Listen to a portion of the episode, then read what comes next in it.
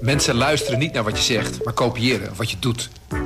Onze vitaliteitsexpert Martin Hersman helpt je te focussen op wat echt belangrijk is.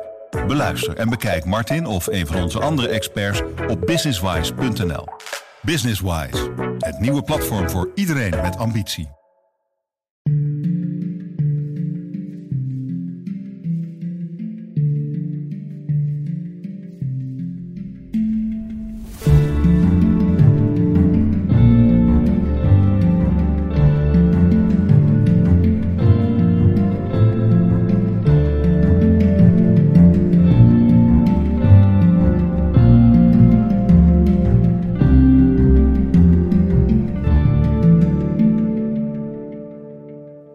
Het verhaal over het verzet in de Tweede Wereldoorlog gaat vooral over mannen, terwijl er ook verzetsvrouwen waren.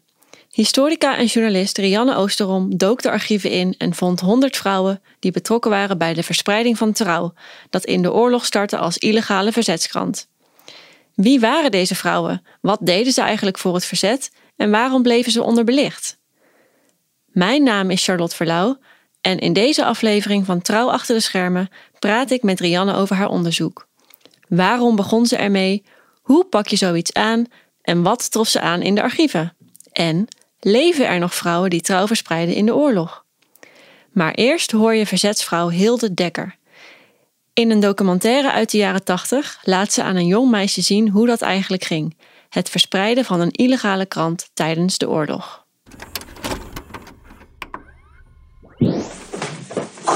Zwaar? Wat zit er eigenlijk in? Waar je dat even ziet? Ja hoor.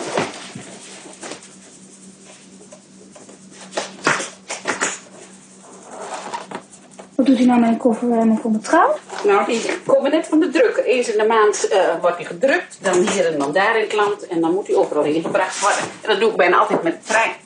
Maar het is wel een vrachtje hoor. Is het niet gevaarlijk om met een hele koffer vol trouw te lopen? Ja, dat is eigenlijk wel gevaarlijk, maar het moet toch gebeuren.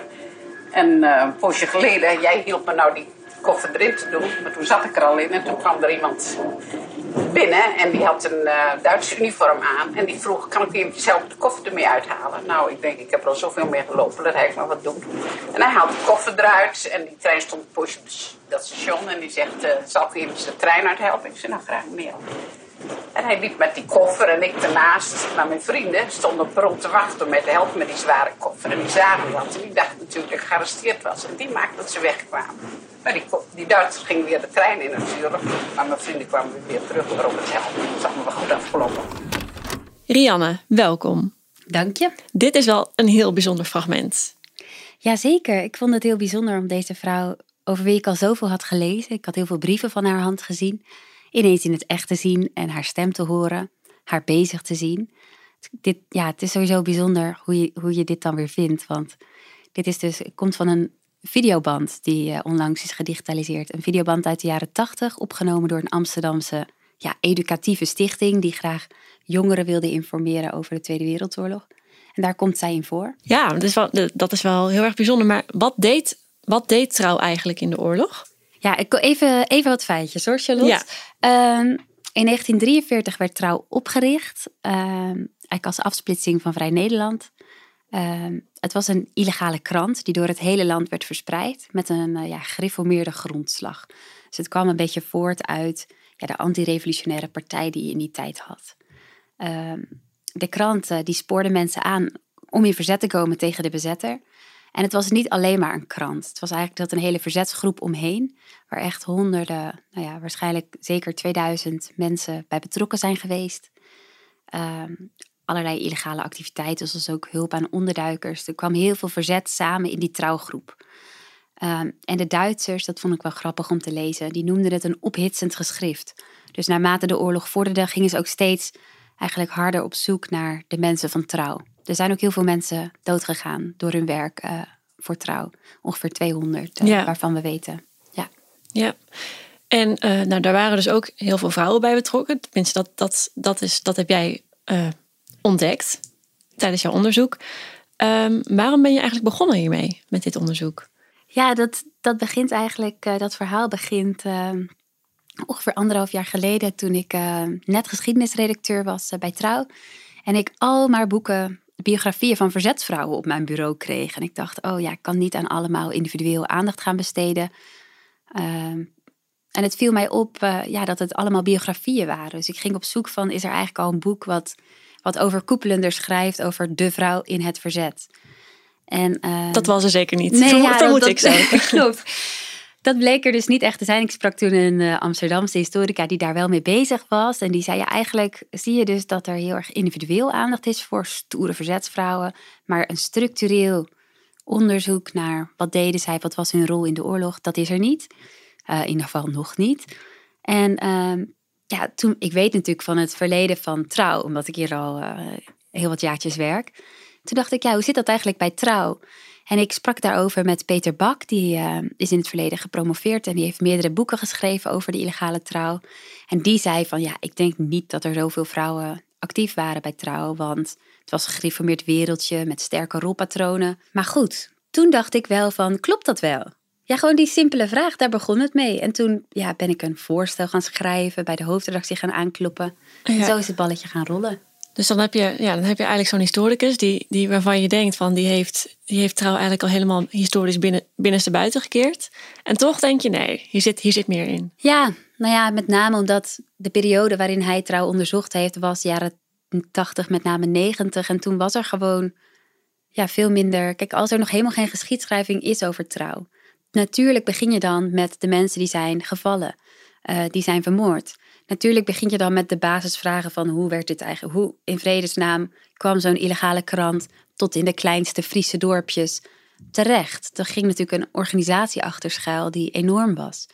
En, en wat was de link met het gewapend verzet? Dat soort vragen die zijn dan natuurlijk prominenter dan misschien wat deed de koerierster. Of in het archief worden die vrouwen natuurlijk ook amper genoemd. Dus je, ja, je moet echt naar ze op zoek. Wil je iets over, over ze te weten komen. Oké, het, het trouwarchief dus. Um, wat, wat vind je daar? Wat zit er allemaal in? Ja, ik vind dat een heel bijzonder archief. Want uh, er zitten heel veel brieven in die tijdens de oorlog zelf zijn geschreven. En dat is natuurlijk, ja, dat wil je hebben als historica. Dat is natuurlijk uh, ja, het, verslag van het moment. En niet gekleurd door herinneringen, niet tig jaar na de oorlog opgetekend, waardoor onbetrouwbaarder. Um, en ja, wat ik gewoon heel bijzonder vond aan die brieven, is dat Ehm, de mensen, ja, het is meestal trouwverspreiders die dus aan elkaar schrijven van uh, hier, is de, hier is weer een bubskrantjes of uh, evaluaties staan er ook in van ja, de krant was wel weer heel zwaar. Nou, precies wat wij gewoon nu ook ja. op intranet hebben staan, zeg maar dagelijks van kan er niet wat lucht in, het mag wat minder intellectueel. Nou, dat is nu nog steeds zeg maar aan de orde van de dag, dit soort evaluaties. Um, maar wat je daar in die brieven ook ziet, is dat eigenlijk het. Ehm, ja, het, is, het gaat ook heel erg over de gewone dingen, weet je wel. Hoe gaat het met je kinderen? Anekdotes, uh, grapjes, geflirt. Echt alles, eh, gewoon alles van het gewone leven vind je erin terug. En dan wordt het ineens afgewisseld met het bericht: die en die is opgepakt. Die en die is vermoord. Die en die is naar het kamp in Duitsland gestuurd. En dat, ja, dat maakt het gewoon dat dat die dagelijkse realiteit van de oorlog heel dichtbij komt. En nou, met name ook ehm, de map met afscheidsbrieven van trouwmensen, uh, die dan vanuit de gevangenis schreven voordat ze werden geëxecuteerd aan hun familie of aan hun vrienden van trouw. Ja, die, ik heb wel eerlijk gezegd een beetje te janken toen ik die las, want dat was gewoon echt, ja, dan komt het zo dichtbij, weet je wel, hoe die oorlog was. En ehm, ja, dat, dat maakt het gewoon uh, bijzonder. En ehm, ja, tegelijkertijd staan er natuurlijk in die brieven heel veel, uh, ja, ook wel stiekem heel veel informatie over de vrouwen van trouw. En, en dan, uh, dan, dan ga je dus op zoek naar, naar vrouwen. Ja. Uh, die zijn met een reden ja, verstopt gebleven bij gebrek aan een beter woord. Hoe, uh, hoe vind je ze dan? Hoe, uh, hoe, hoe, hoe, lees je die terug? Nou, ze worden eigenlijk in de brieven worden ze best wel veel genoemd, omdat het de vrouwen waren die uh, veel courierswerk deden. Dus veel bijvoorbeeld koopij vervoerden van trouw of andere dingen vervoerden. Ehm, dus je komt hun voornamen met name de hele tijd tegen. Of bijvoorbeeld een voornaam met een plaatsnaam, wat dan als schuilnaam fungeert. Dus bijvoorbeeld Ali Vlaanderen of nou ja, uh, Miep Utrecht. dat soort dingen kom je veel tegen. Maar dan weet je natuurlijk nog niet wie daarachter uh, schuil gaat. En ja, je leest soms ook wel gewoon echt hele brieven van vrouwen.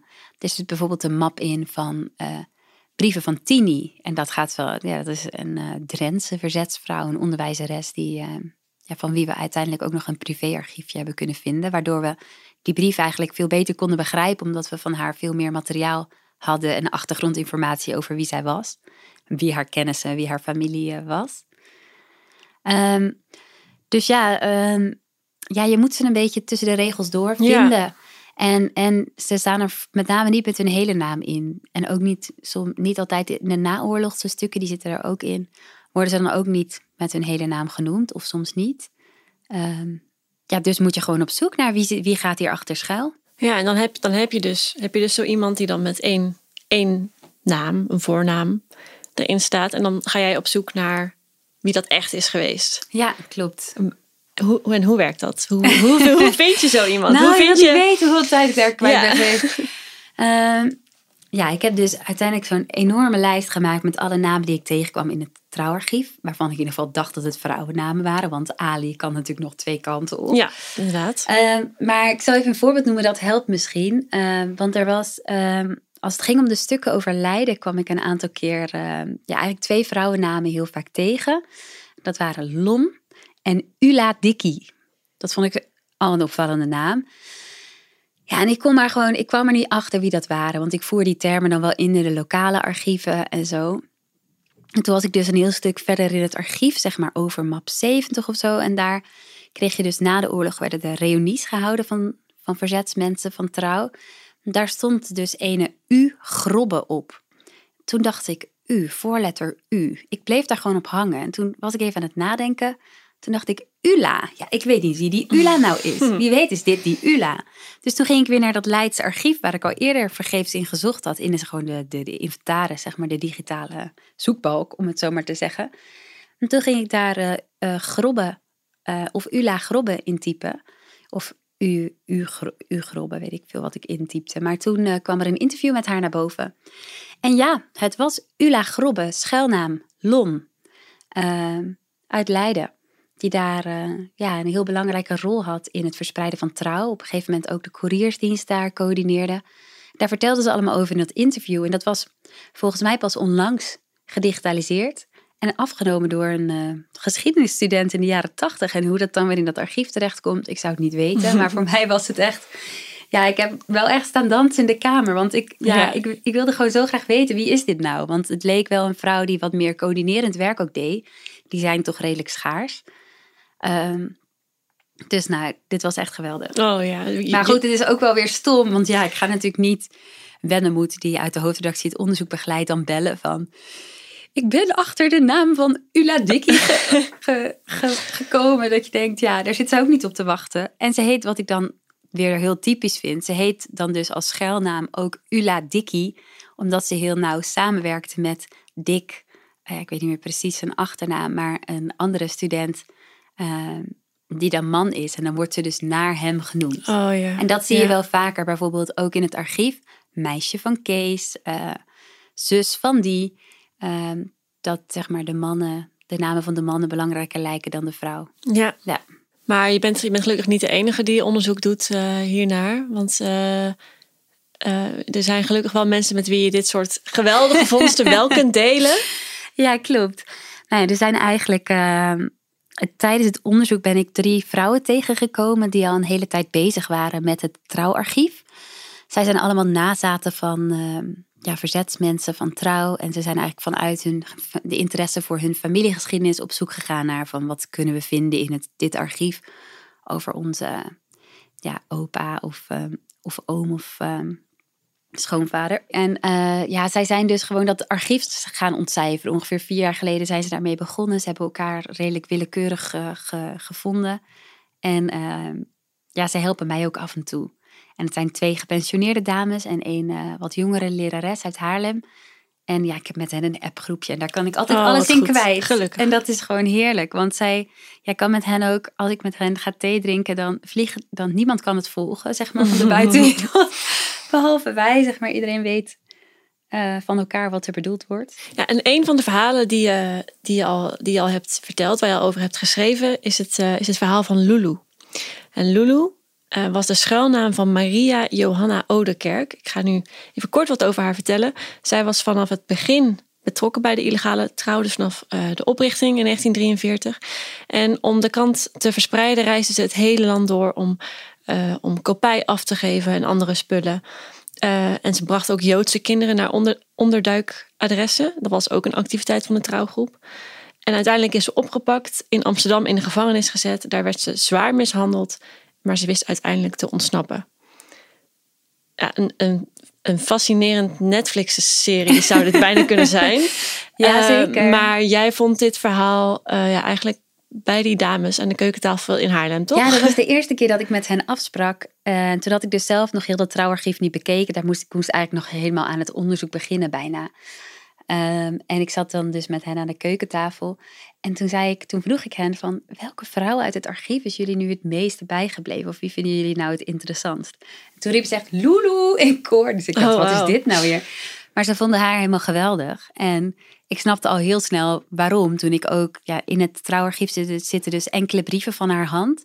Waarin zij eh, eigenlijk vanuit de gevangenis aan haar vrienden van trouw schrijft. En die brieven zijn gewoon heel indrukwekkend. Niet alleen omdat het natuurlijk heftig is dat ze vanuit de gevangenis komen, maar ook omdat ze gewoon heel geestig zijn. Zij blijft, ja, haar motto is ook lang leven de lol of zoiets. Weet je wel? Dat schrijft ze dan zelfs vanuit de gevangenis. Dus uit die brieven stond gewoon een heel geestig, interessant mens op. Dus ik dacht, ja, daar wil ik natuurlijk meer van weten. Ja, aangespoord door, uh, door die vrouwen. Ik noem ze altijd de brievendames, omdat Ja. ze dus zoveel brieven ontcijferd hebben. Ja, en dan heb je dus, je had dus die, die schuilnaam en, Ja. en de brieven waar die schuilnaam in voorkwam. Ja, En toen moest je dus op zoek naar haar echte naam. Ja, klopt. En dat was gelukkig in dit geval redelijk snel achterhaald. Want ik maak ook veel gebruik van het krantenarchief Delver. Dat is een digitaal eh, doorzoekbaar archief. Met ongeveer ja, alle gedigitaliseerde oude kranten die je maar kunt bedenken, die staan Ja, erin. Tot ver in de Ja, 1700, volgens Ja, mij kun je terugzoeken. Ja. ja, dus dat is echt een geweldig archief. Ehm, en daar zocht ik, ehm, ik wist dat zij na de oorlog eh, eh, getrouwd was met Kees Streef. Dus ik wist wel de hele naam van haar latere man. Toen heb ik op zijn naam gezocht. En toen vond ik een interviewtje met hem in eh, Trouw. En daarin vertelde hij dat hij na de oorlog getrouwd was met Maria Johanna Oderkerk. Ook wel Lulu genoemd in het verzet. En toen wist ik wie ze was. Ja, en dan vanaf daar kun je natuurlijk verder. En hoe ga je dan verder? Wa- Wat zijn dan je volgende stappen? Nou, in het geval van, als ik, in dit geval had ik in mijn hoofd, ik wil echt gewoon haar hele levensverhaal gaan beschrijven. En dan heb je natuurlijk eh, het meeste eigenlijk aan familie. Mensen die haar gekend hebben. Ehm, in dit geval was het nog niet zo makkelijk, want ja, ik wist natuurlijk überhaupt niet of ze kinderen had gekregen.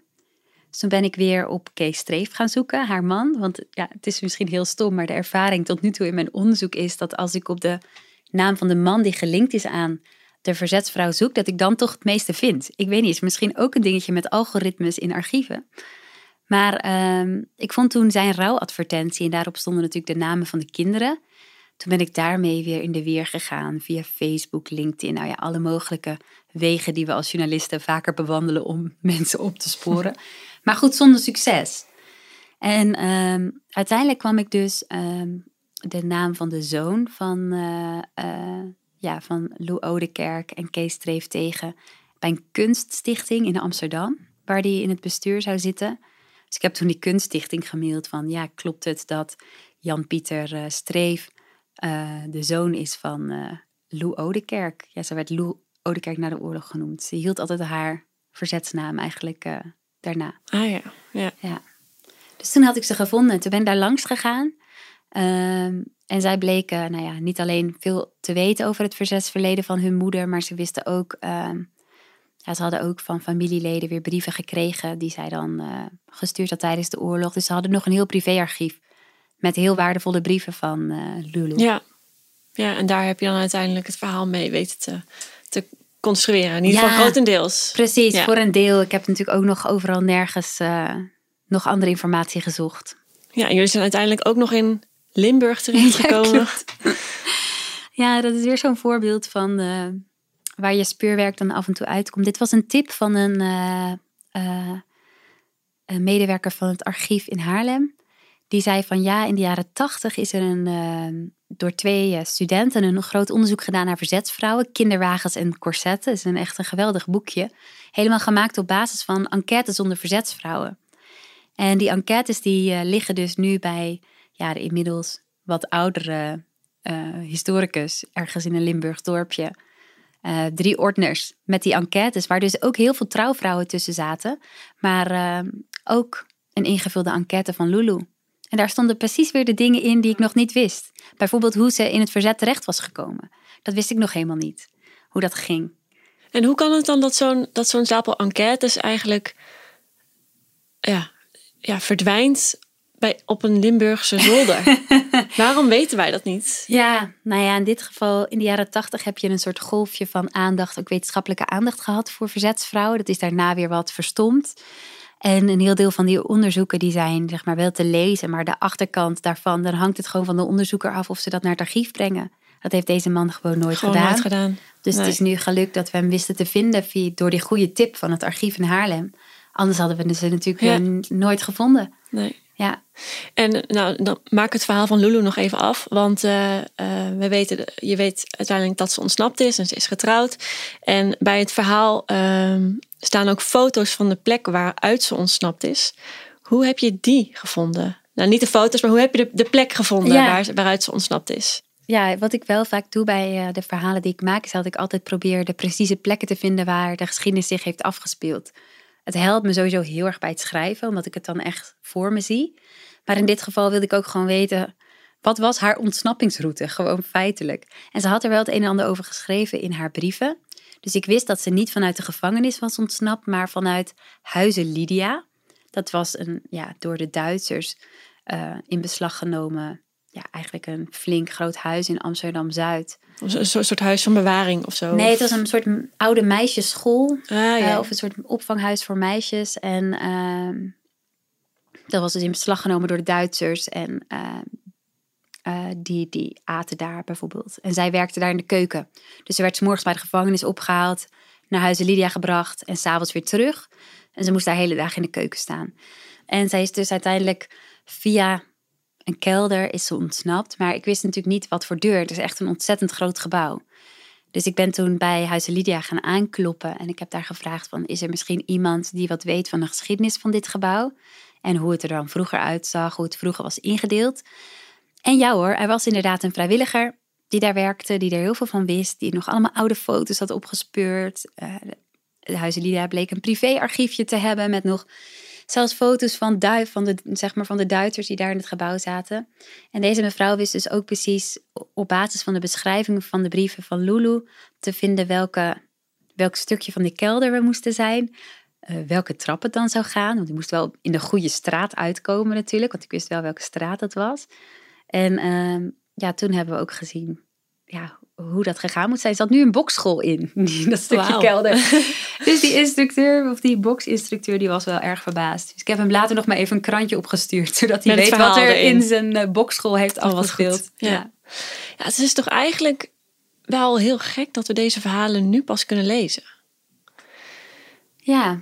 Hoe kan dat toch? Waarom, is dat, waarom, moet, het, waarom moet de oorlog ruim 75 jaar voorbij zijn um, eer daar aandacht voor is?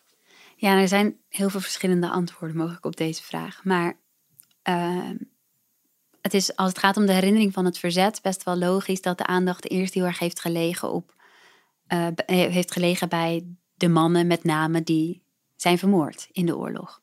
Vanuit, ook vanuit het verzet.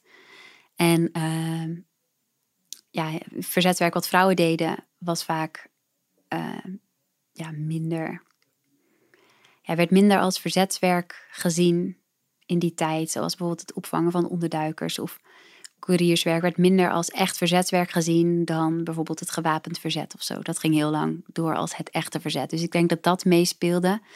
Maar ik denk ook gewoon dat meespeelt dat die vrouwen minder aanwezig zijn in de archieven. Um, of dat je, zoals ik heb gedaan, inderdaad, eeuwig dagenlang moet gaan zitten speuren ja. naar, hele, naar hele namen. Um, alleen, ja, wat ik dus zelf um, ja, wel bijzonder vind, is dat ik er in dit onderzoek achter kom dat er eigenlijk wel heel veel te vinden is over verzetsvrouwen. Alleen dat het gewoon niet in de uh, officiële archieven ligt, maar meer echt in de familiearchieven. Dus dat vrouwen wel hun herinneringen hebben opgeschreven voor hun kleinkinderen, maar dat niet aan het archief hebben opgestuurd, zoals dan voor mijn gevoel de mannen wel deden. Ja. Ehm, en dat je, dus, uh, ja, dat je dus ziet dat als je gewoon wat meer in de persoonlijke levensfeer van die verzetsmensen terechtkomt, doordat je familie vindt, die ik dus ook gelukkig via die lezersoproep heel veel heb gevonden, dat er dan eigenlijk nog een schat aan materiaal is ja, met hoeveel tasjes ik met archiefmateriaal ik wel weer niet naar huis ja, zou mijn zolderkamer moeten zien thuis. maar daar kan ik ook wel een archief van beginnen. Mijn man die moppert er af en toe van, heb je nou weer dingen? Waar moeten we dit kwijt, weet je wel? Ja. Ja. Ja, dus heel veel, eigenlijk ligt heel veel informatie nog op zolders en ja. in, in boeken, bij mensen in de boekenkast en ergens misschien onder een losse plank. Nou ja, ja. De, er, is vast nog een hoop te vertellen. Nou, dat is wel heel hoopvol, want je hebt dat materiaal wel nodig om die verhalen te vertellen. Want je kunt het niet alleen maar doen met de verhalen van het nageslacht, weet je Want die zijn dan, die zijn natuurlijk in zichzelf mooi, maar onbetrouwbaar. Ja, dus als historica kun je daar eigenlijk... Om echt een heel verhaal te vertellen of om de inzet van vrouwen echt te reconstrueren. Hè? Dus je hebt eigenlijk ook dat schriftelijke materiaal natuurlijk nodig. Nou, je bent dan ook absoluut nog niet klaar. Nee, nog lang niet. Er komt nog veel meer aan. Ja. Wat komt er allemaal nog aan? Vertel. Nou, ik ben nu de afgelopen tijd heb ik gewoon heel erg uh, veel verzameld. Dus uh, naar archieven, dus privéarchiefjes bij mensen ophalen, doorspitten, namen nazoeken. En al die namen die ik heb verzameld, het zijn er nu zo'n duizend of zo, die staan allemaal in een Excel. Wow. Dat is een beetje mijn longlist. En um, er zitten ook heel veel dubbelingen in. Vrouwen die bijvoorbeeld met schuilnaam instaan en ook met hun echte naam. En die hele longlist die komt straks samen in een shortlist. En dat is dan een, uh, ja, eigenlijk een, uh, een dataset die betrouwbaar is, omdat voor de vrouwen die erin staan tenminste twee bronnen zijn. Um, in die uh, dataset wordt ook precies in kaart gebracht wat ze precies deden. En dit is eigenlijk, uh, zeg ik in al, alle bescheidenheid, best wel een nieuw soort onderzoek, omdat, um, nou ja, wat ik aan het begin ook al zei, er is best wel veel individuele aandacht voor verzetsvrouwen. Als kijk, deze heldin heeft ook iemand gefuseerd, weet je wel.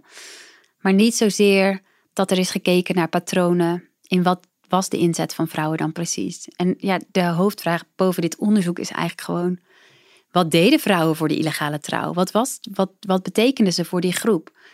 En ik hoop dat ik aan de, aan de hand van die dataset uh, met betrouwbare gegevens dat inzichtelijk kan gaan maken.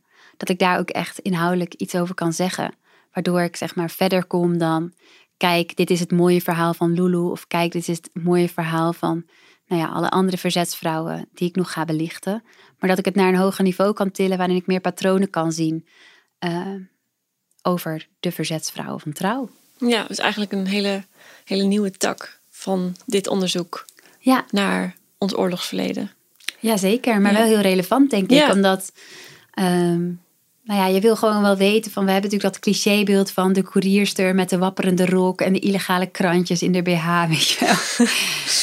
en, en, en was dat het inderdaad? Of deden vrouwen toch meer? Of ja, waar ik nu wel bijvoorbeeld achter kom in het onderzoek, is dat achter dat woord koerierster toch heel veel verschillende soorten verzetswerk weggaan. Dus je denkt, koerieren is iets van de ene naar de andere plek brengen. Ja, ja. Maar vrouwen die zichzelf koerierster noemden, die co coördineerden soms ook bijvoorbeeld de verspreiding in één stad. Of die uh, regelden dan dat de, uh, dat de kopij uh, in de eigen regio werd verspreid tussen verschillende drukkers of dat soort dingen. Dus ja, is dat dan echt alleen koerierster of, of is dat dan toch eigenlijk meer dan dat? Dus daar hoop ik gewoon beter zicht op te krijgen. Ja. En heb je ook nog, uh, zijn er ook nog vrouwen in leven die, uh, die, uh, die voor trouw hebben gewerkt in het verzet? Nou ja, ze zijn dan natuurlijk heel oud, maar ik heb er uiteindelijk drie kunnen vinden tot nu toe. Mm -hmm. eentje in Canada, heel grappig, die meldde zich na de laatste stukken over Lulu. Die had van haar broer gehoord dat uh, ja, dat, dat er in Nederland geschreven werd over vrouwen die de trouw rondbrachten of andere verzetsactiviteiten deden. Dus ja, die zit daar in een verpleegtehuis. Dus ik probeer nu een videoverbinding met Canada te krijgen. Het gaat nog niet van een leidakje. Wie weet, wie weet. Ja, ik heb inderdaad ook een Nederlandse vrouw gesproken onlangs. Uh, ja, zij heeft gelukkig wel uh, gedurende haar leven best wel wat verteld over haar verzetswerk. En daar niet over gezwegen, zoals veel andere vrouwen wel deden. En ehm, toen ik haar vroeg van waarom wil je dan zo graag ook met dit verhaal op de voorgrond treden, toen zei ze van, ook al van ja, vrouwen deden er gewoon heel lang niet toe in het wereldbeeld van toen. En ja, dat moet toch maar eens veranderen eigenlijk, zei ze dat. Ja, ja dus des, des te belangrijker dat we deze verhalen maken. Toch? Zeker. Dankjewel, Rianne. Um, Geen dank. Alles over dit onderzoek, alles over de vrouwen van Trouw, kunt u lezen via trouw.nl slash de vrouwen van Trouw. Dit was Trouw achter de schermen. Bedankt voor het luisteren. Deze aflevering van Trouw achter de schermen werd gemaakt door George Paul Henneberken en door mij, Charlotte Verlauw. Dank aan Rianne Oosterom voor haar verhaal. Ook dank aan Joke Scheepstra, voorzitter van de stichting Herinnering LOLKP. Joke en de stichting zorgden ervoor dat veel oude videobanden gered werden door ze te digitaliseren. Zo konden we het fragment aan het begin van de aflevering laten horen. Meer lezen over de verzetsvrouwen van Trouw? Kijk op trouw.nl slash de vrouwen van Trouw.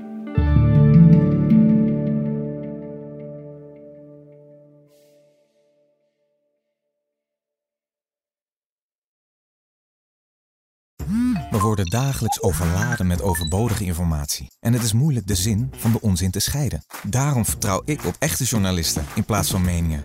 Een krantenmens heeft het gemakkelijk. Word ook een krantenmens en lees je favoriete krant nu tot al zes weken gratis. Ga snel naar krant.nl. Bezorging stopt automatisch en op deze actie zijn actievoorwaarden van toepassing. Mensen luisteren niet naar wat je zegt, maar kopiëren wat je doet. Onze vitaliteitsexpert Martin Hersman helpt je te focussen op wat echt belangrijk is. Beluister en bekijk Martin of een van onze andere experts op businesswise.nl. Businesswise, het nieuwe platform voor iedereen met ambitie.